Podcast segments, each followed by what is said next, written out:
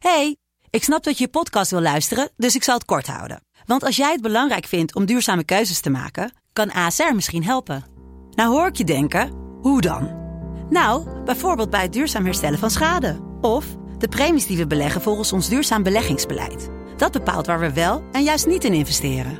Wil je meer weten over welke duurzame keuzes ASR maakt? Ga dan naar asr.nl slash duurzame keuzes. ASR doet het.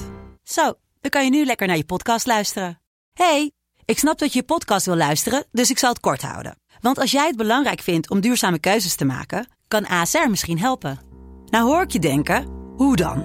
Nou, bijvoorbeeld bij het duurzaam herstellen van schade. Of de premies die we beleggen volgens ons duurzaam beleggingsbeleid. Dat bepaalt waar we wel en juist niet in investeren.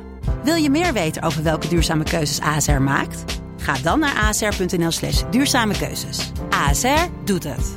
Zo, dan kan je nu lekker naar je podcast luisteren. Ik zag er in 501. Dit is Mand, kortste podcast van Nederland. Vandaag hebben we een hele sneuwe aflevering, René. Absoluut. Laat jij je piemels zien. Ja, is goed. Voor 17.000 euro. Ja, moment.